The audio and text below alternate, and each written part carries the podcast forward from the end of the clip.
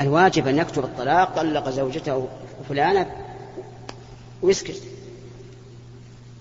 لأن بعض الذين يطلقون الثلاث ويأتون بالسكوك يقول نحن طلقنا ثلاث لأن القاضي ألجأنا. وقال طلق ثلاث. والعوام ما يدرون. وربما يأتي في شدة غضب ويقول هل طلقت واحدة أو ثلاث فيقول ثلاث. فهذه نصيحة أوجهها للقضاة أن يتقوا الله عز وجل وأن لا يسأل الإنسان. لا يقول ثلاث أو أو واحدة يعني كأنهم يخيرونه بين المحرم والمباح لأن طلاق ثلاث محرم. فالواجب أن يكتب الطلاق يقول طلق فلان زوجته فلان وبس ويسكت.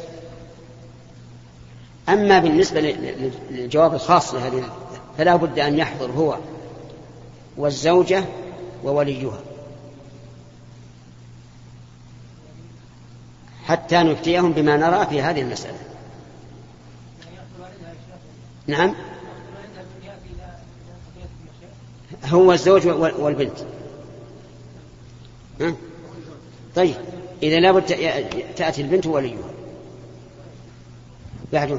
فضيلة الشيخ قول الرسول عليه الصلاة والسلام ولا يزال في صلاة ما دام في مكانه الذي صلى فيه ما لم يحدث هل المقصود نفس المكان أو المجال والأمر في ذلك أوسع المسجد والمصلى؟ الظاهر أنه أوسع يعني سواء كان في, في, في نفس المكان المعين أو في في المصلى كله. وإذا أمكن أن لا يتجاوز مكانه الذي صلى فيه أول ما أتى فهو أحسن.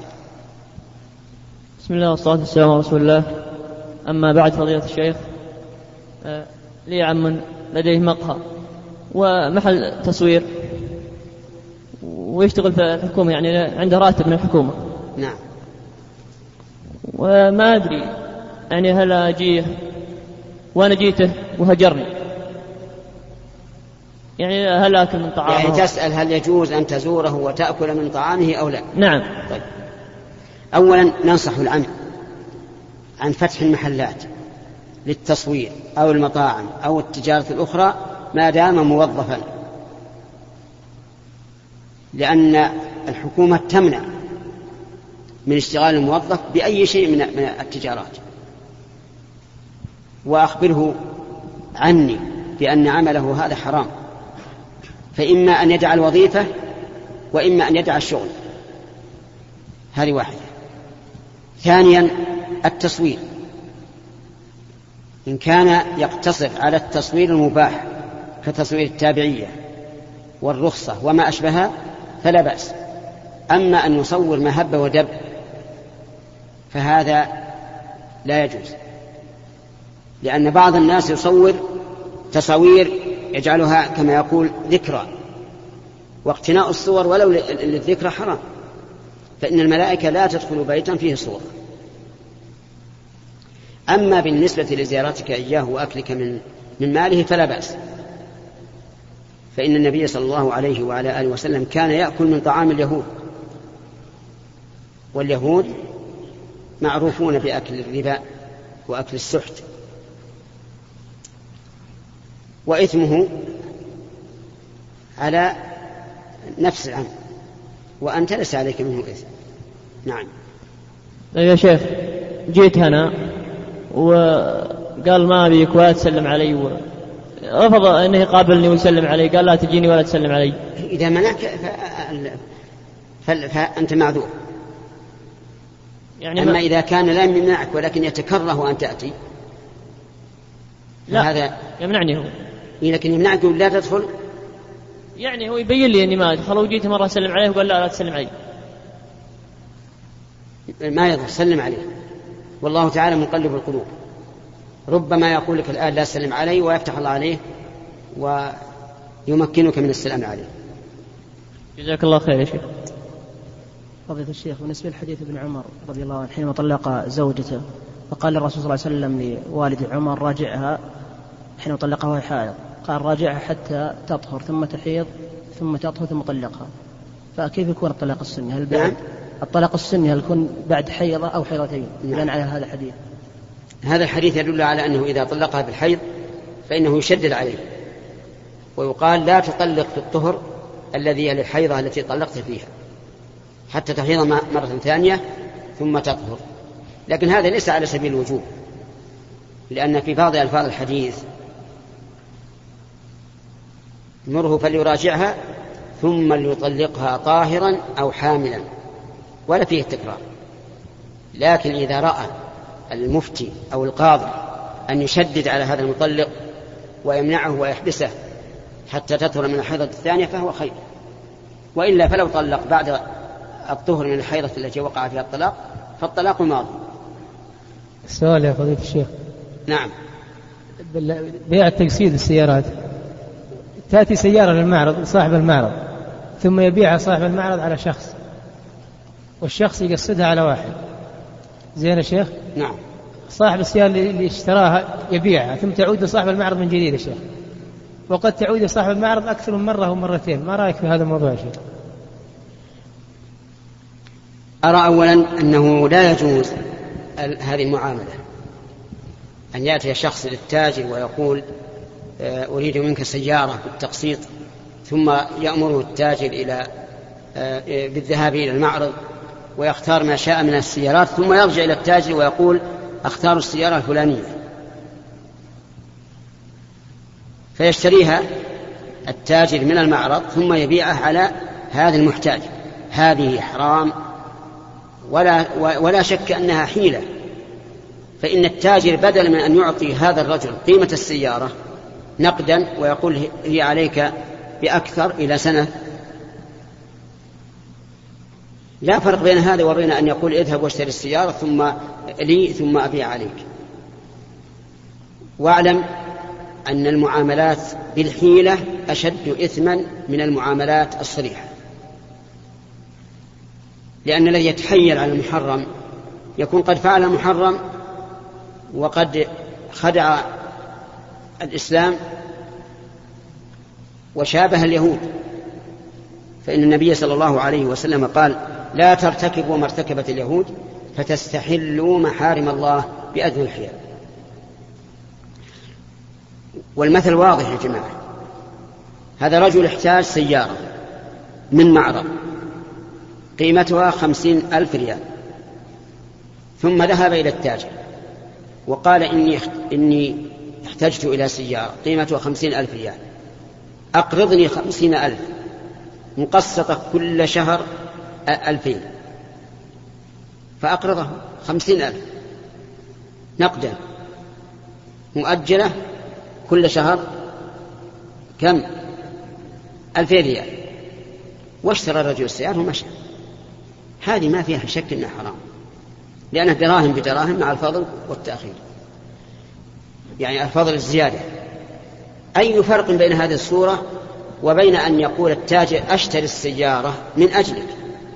بخمسين ألف نقدا وأعطيها المعرض ثم أبيع عليك سبعين ألف. مقسطة إلى ثلاث سنوات مثلا. أي فرق بينهما في الصورة؟ لا فرق في الواقع. لا تجعلون نلعب على الله عز وجل. لا فرق تماما. بل هذه أخبث.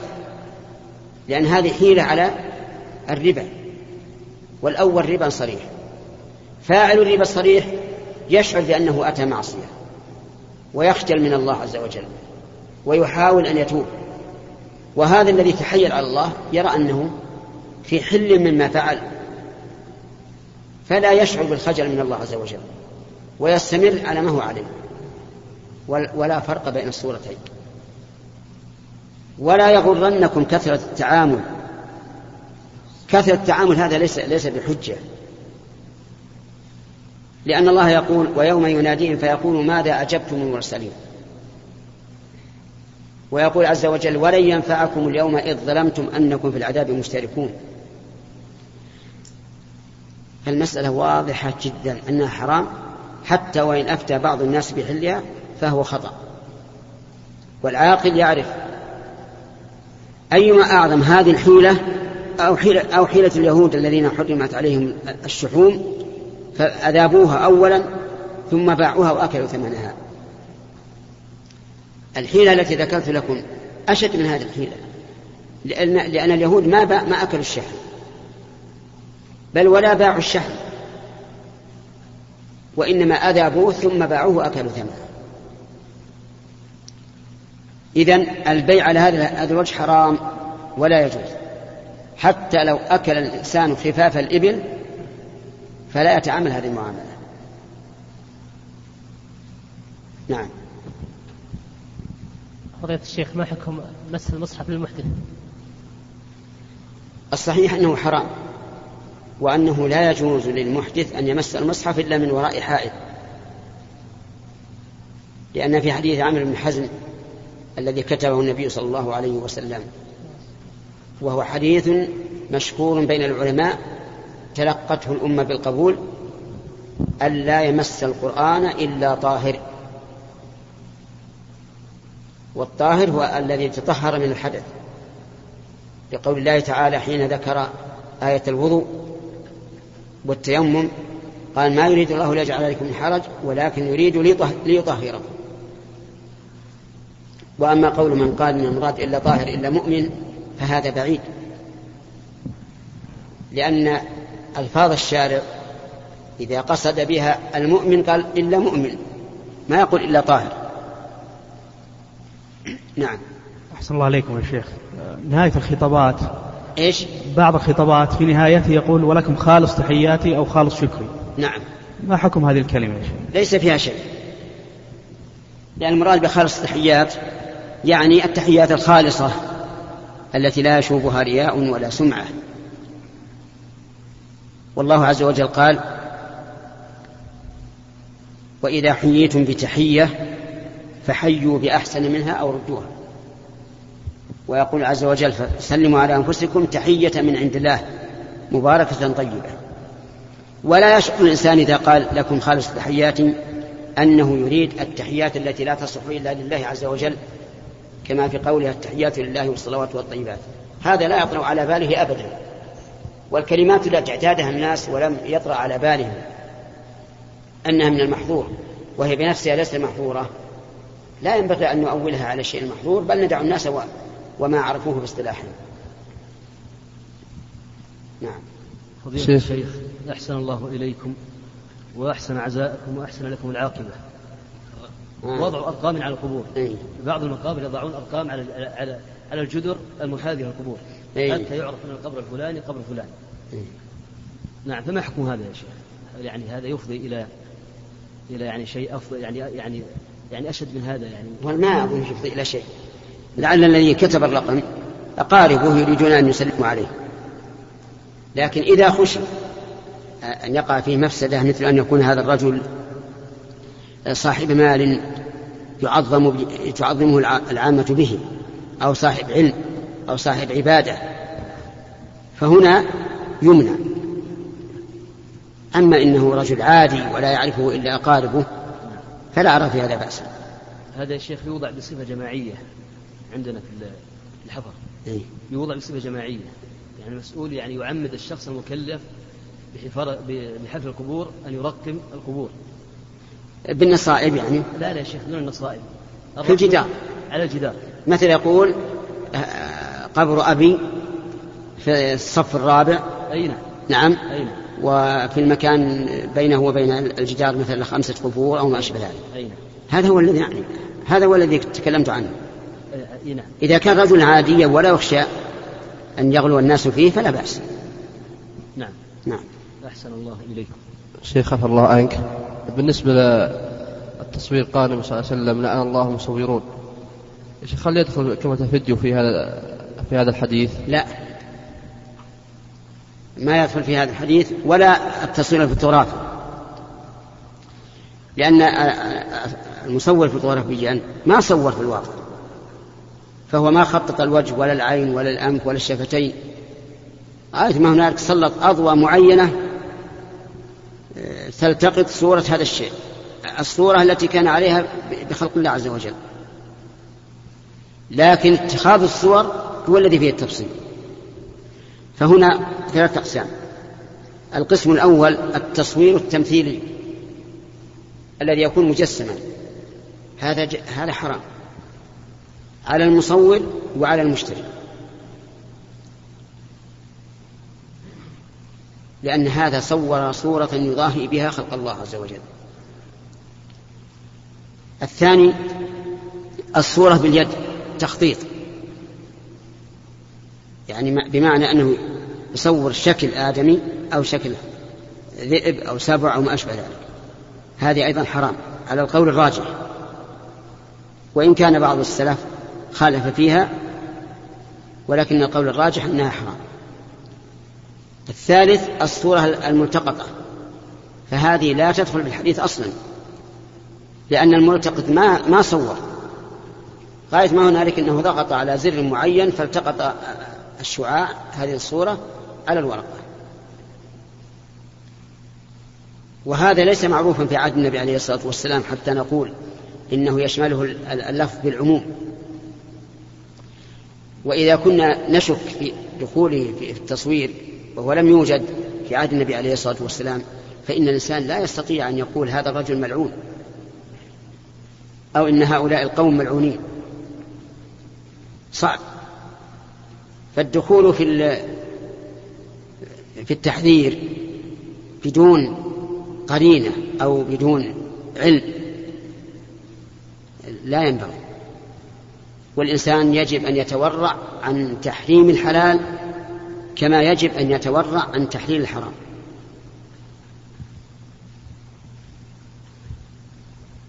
بل إن المصور بل إن المتجرئ على تحريم الحلال أشد إثما من المتجرئ على تحريم الحرام. وهذا مع الشك كما مع اليقين أو الظن هذا شيء واضح أنه يجب يتبع ما غلب على ظنه.